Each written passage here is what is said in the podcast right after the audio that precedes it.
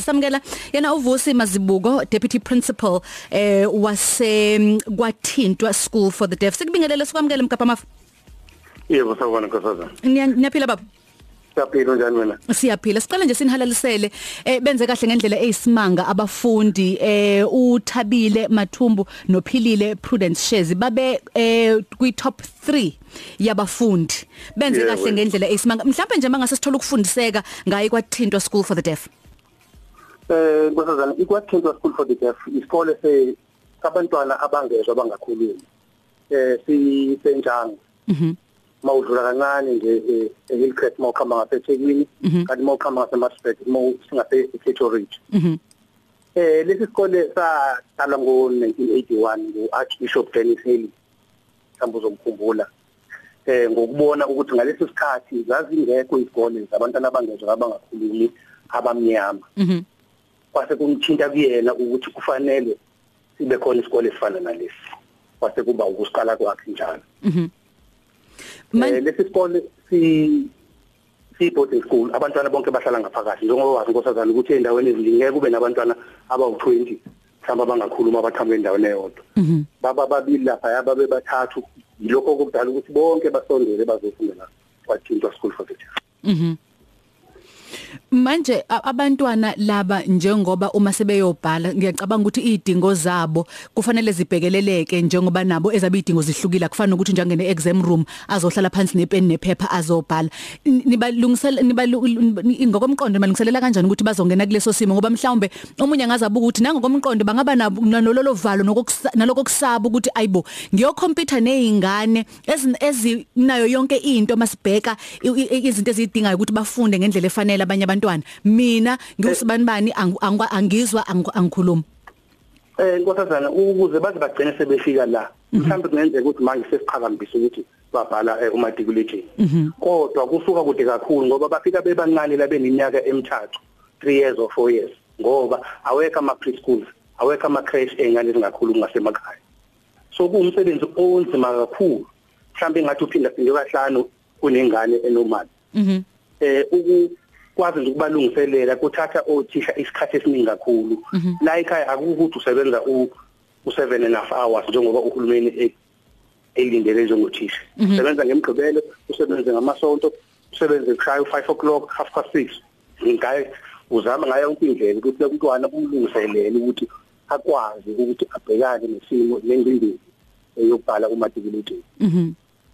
Umzali angaba nokuthi eh, umntwana wakhe asikho isidingo sokuthi makaye esikolweni mawukuthi khona ukukhubazeka anakho noma ukukhubazeka aphila nakho. Athi siphi isidingo sokuthi aye esikoleni? Mhlambe vele uzoba umuntu omsebenzi wezandla. Ku- baba nakho lokho ngempela ngempela ukuthi umntwana wami uzosebenza phi? Umphakathi ngekumamukela umphakathi uzomhlukumeza. Kungcono avela ahlale la ekhaya la ngizohleze ngimbona khona kunokuthi aphume aye esikoleni ayohlukumezeka abonwe abantu badlale ngayo Eh uyabona inkosazana noNgcebo uthinta iphuzu elibaleke kakhulu ikakhulukazi kuthina abantu abamnyama. mm.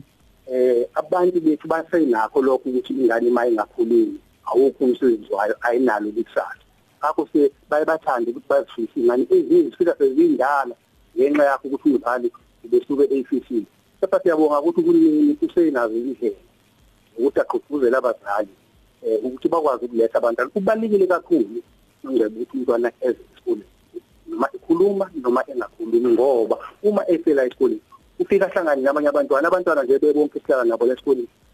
Bangu 363 abahlala ngaphakathi. Manje lo mntwana wakho ubuhlezi naye ekhaya ingazi ukuthi kanti bakhona abanye abantu abafana naye. Uma sebefika la ila ufika ubabone khona benamatalent bayakwazi ukudlala ibhola bayakwazi ukugijima bayakwazi ukudansa ngibona ukusiza kakhulu ukuthi umzali akwazi ukuletha esikoleni umntwana akwazi ukufunda akwazi ukufunda nephepha akwazi ukubhala negama lakhe.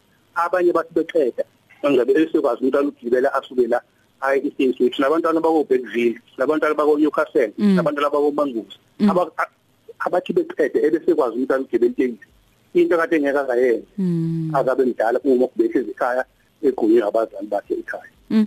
Siyazi ukuthi izikole ezifana nasesikole eh, ikwathintwa School for the Deaf eh ni- niyaye nidinga kakhulu ukuthi nixhaswe ngeindlela ezahlukahlukene. Ungathola ukuthi khona umuntu olalele njengamanje onokuthi "Eh, yazi ngiyafisa ukuthi ngilekelele eh ngalokho enginakho ekuncane office thaxhumane nani unithola kanjani?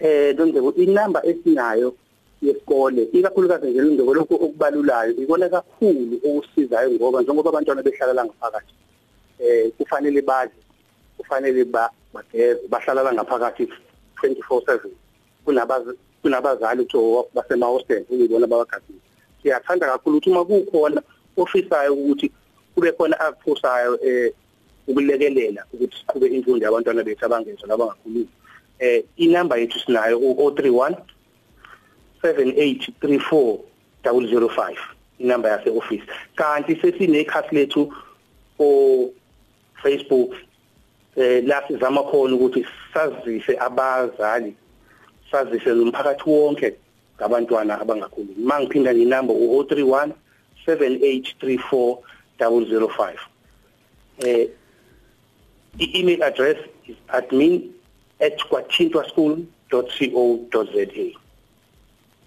Nzima sibonga kakhulu sibonga kakhulu sincome nomsebenzi omuhle enwenzayo. Nina nakekela abantwana. Eke kuthatheke isikhathi esiningi sengathi abantwana abangenalo ikusasa noma ikusasa labo nje elifiphele ngenxa yesimo nabo abangaze ngabasikhethe othola ukuthi umntwana uzalwe enjalo noma mhlambe ngezinto ahlangabezane nazo ugcine selimele ngaleyo ndlela angabe safana nabanye abantwana. Sibonga kakhulu ukuthi nibe naso leso sineke nalolo thando ukuthi nenze umsebenzi obaluleke kangaka.